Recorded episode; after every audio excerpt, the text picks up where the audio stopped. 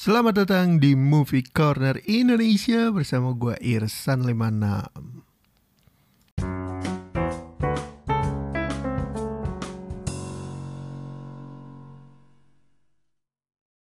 Hey, finally hari ke-30 dan ini gue record di tanggal 31 Aduh sedih banget. Karena kondisinya gini gue lagi ada ya biasalah tugas akhir tahun gitu kan dari kantor dan mau nggak mau harus memilih skala prioritas gitu. Dan karena ini tinggal dua episode lagi makanya langsung gue susulin di tanggal 31 buat bikin dua episode. Kebetulan juga emang tanggal 31 gue lagi libur ya jadi ya hari ini akan ada dua episode. Hmm. so kita langsung bahas untuk hari ke-30 dari 30 hari bersuara dengan tema resolusi. Rekomendasi film tentang resolusi.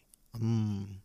Kalau gue berpikir tentang resolusi, gue kepikiran tentang perubahan, motivasi berubah. Ya karena itu juga yang sering kita dengerin di awal tahun atau akhir tahun ya kan resolusi gue tahun sekian.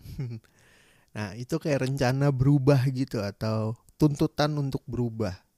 Kayak kayak gitulah. Nah untuk hal-hal kayak gitu hmm, film motivational sebenarnya banyak tapi ada satu film yang mau gue bahas yaitu Yes Man. Film romantic komedi yang rilis tahun 2008 dan dibintangi oleh Jim Carrey.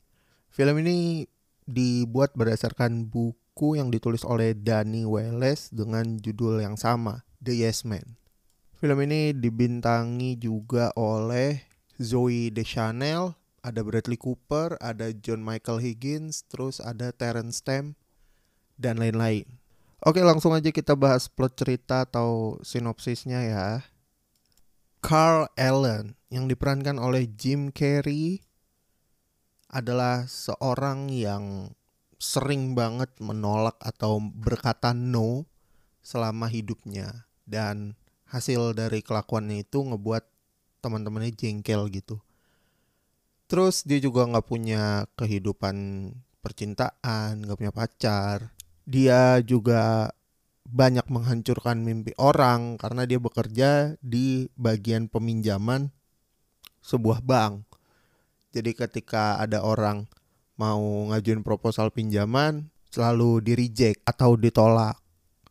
Nah sampai akhirnya temennya kayak negor dia gitu. Eh lo tau gak sih apa yang lo lakuin ini tuh sebenarnya nggak baik ke depannya. Kayaknya lo harus datang deh ke seminar ini. Terus si Carl ngeliat brosurnya dan dilihat di situ ada Terence Stamp. Dia ngasih tahu seminar perubahan dengan bermodalkan yes lah bahasanya. Karena dia bingung tapi juga penasaran, akhirnya dia datang lah ke seminarnya Terence Stamp ini. Nah pas lagi di seminar itu quote on quote dia kayak merasa dicuci otak. Karena di sekelilingnya itu tuh dalam tanda kutip memaksa dia untuk selalu berkata yes. Dan ketika dia berkata no langsung dijudge di tempat gitu. Langsung dibungkam lah ibaratnya. Lo nggak boleh bilang no. Harus selalu bilang yes. Dan mulai sekarang lo harus bikin janji di depan semua saksi peserta seminar gitu ya kan bahwa lo akan jadi yes man intinya gitu. Dan janji ini akan mengikat lo. Kalau lo mengingkari janji ini dan mulai berkata no lo akan dapat ganjarannya. Terus selesai dia keluar dari seminar itu dia mulai mengatakan yes kepada banyak hal atau banyak permintaan dari orang-orang di sekitarnya dia dan dia mulai menemukan petualangan baru gitu bahwa ini hal-hal yang nggak mungkin dia dapetin kalau dia nggak bilang yes intinya gitu. Kalau dia selalu bilang no nggak akan ketemu lah dengan petualangan yang dialamin itu. Terus ketika besoknya dia mau pergi gitu ya kan tetangganya minta tolong. Minta tolongnya agak ekstrim sih. Ya lo orang tonton aja sih biar tahu. Nah karena si Carl ini ngerasa eh enggak deh kayaknya gue nggak mau tuh ngelakuin itu. Terus dia tolak dia bilang no sorry gue nggak bisa dan gue nggak mau. Setelah dia berkata no langsung ada ganjaran. Dia jatuh dari tangga dan hampir digigit anjing. Terus dia kaget dan dia keinget kayak inget janji lo lo tuh harusnya selalu ngomong yes dan nggak boleh ngomong no. Akhirnya dia balik ke tetangganya terus kayak oke okay, gue mau ngelakuin permintaan yang lu bilang inti gitu dan setelah kejadian itu dia mulai optimis dan mulai banyak mengatakannya kepada segala hal. Salah satunya yang paling ekstrim ketika dia lagi lihat ke billboard ada request atau ada permintaan-permintaan gitu ya kan dari orang-orang yang membutuhkan. Dia yes-yesin tuh. Apalagi yang berhubungan dengan pelajaran. Mau nggak lo belajar jadi pilot? Mau nggak lo belajar bahasa Korea? Mau nggak lo bantuin gue ini?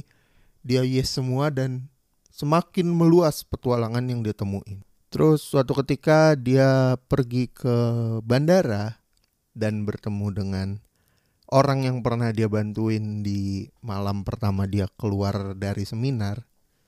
Terus mereka berdua mulai melakukan ide gila gitu kayak lo booking flight mepet terus tujuannya sebebas-bebasnya tidak terarah sampai akhirnya si perempuan ini jatuh cinta gitu ke si Carl. Dan ketika si ceweknya confess gitu kan si Carl tentu ngiyain karena tidak pernah punya love life sebelumnya selama dia jadi nomen gitu ya kan. Setelah uh, mereka resmi pacaran mereka niat untuk balik ke kota asalnya pas di kota asalnya di situ Carl mulai kena masalah karena dia dianggap teroris kok bisa Carl dianggap teroris Nah, buat yang penasaran, tonton langsung di Yes Man. Dan di film ini juga ngasih tahu bahwa kita harus saling tolong menolong, saling menghormati dan saling respect gitu. Dan gak ada salahnya juga untuk menolak beberapa permintaan. Bukan berarti lo harus selalu menjadi baik dan dalam tanda kutip sopan. Setidaknya itu yang gue tangkap dari film ini. Dan akhirnya si Carl juga belajar itu. Nah, yang penasaran sama proses Carl untuk berubah demi resolusi hidup dia yang lebih baik, bisa tonton Yes Man di video on demand kesayangan kalian.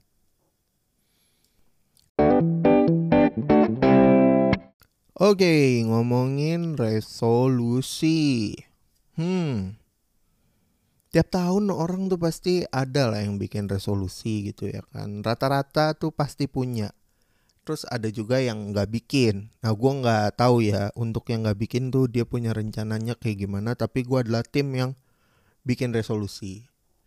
Nah seiring berjalannya waktu gitu ya kan dari zaman sekolah tuh gue mengenal resolusi tahun baru sampai sekarang gue ngerasa kayak resolusi itu terlalu berat dan terlalu menuntut sampai akhirnya gue dapet pencerahan di mana sebenarnya resolusi tuh harusnya bisa bikin lo termotivasi untuk ngelakuinnya dan bukan menuntut. Karena kalau udah menuntut itu malah jadi beban, bukan jadi motivasi gitu. Nah sekarang-sekarang ini nih, di umur gue yang 25 tahun, tiap tahun gue selalu punya resolusi yang quote on quote sama. Pertama, jadi lebih baik dari tahun sebelumnya. Kedua, mencoba hal baru. Ketiga, perbanyak network. Keempat, merubah penampilan. Setidaknya empat poin itu selalu ada di list paling atas. Kenapa gua taruh empat poin itu di list paling atas? Karena empat-empatnya ini tuh luas. Dan gue yakin sengaja atau enggak pasti akan ngerjain ini gitu loh. berdasarkan resolusi-resolusi tahun sebelumnya tuh kayaknya terlalu menuntut, terlalu mission di game banget gitu menurut gue. Yang mana achievement unlock kalau lu selesaiin.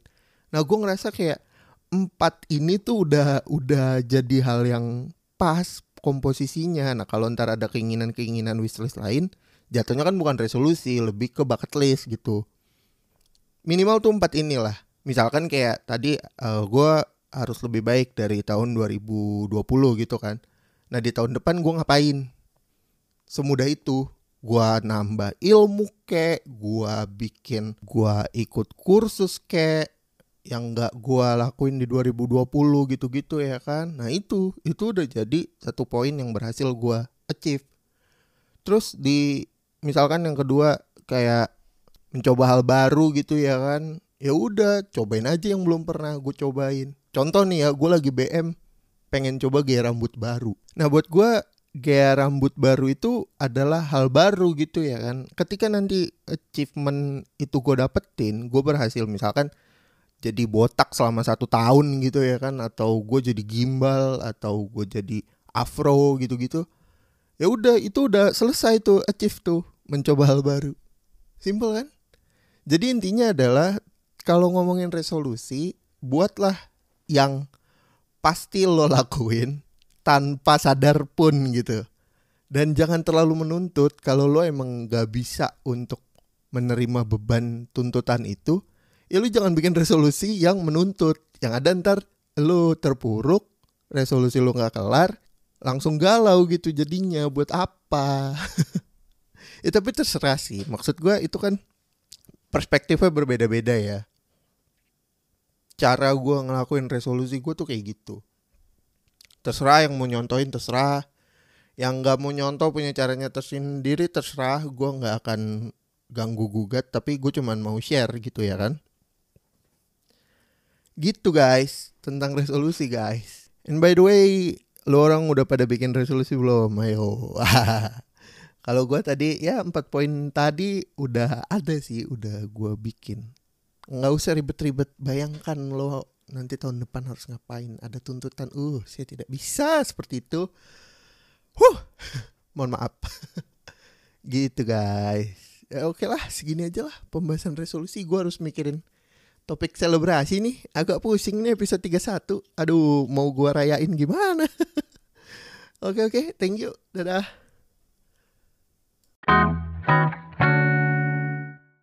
Terima kasih buat yang udah dengerin sampai ke fase ini. Terus uh, jangan lupa untuk dengerin konten 30 hari bersuara dari podcaster-podcaster lainnya di hashtag 30 hari bersuara terus follow juga IG komunitas at thepodcasters.id untuk update tentang challenge hashtag 30 hari bersuara Lo juga bisa DM gue di IG untuk ngasih rekomendasi film Bisa cek ke at irsan56 Atau lo mau ngobrol-ngobrol bisa juga ke DM itu karena gue lebih fast respon di IG. So, itu aja mungkin untuk bahasan kita di episode kali ini. Sampai ketemu di episode selanjutnya. Gue Irsan 56 pamit.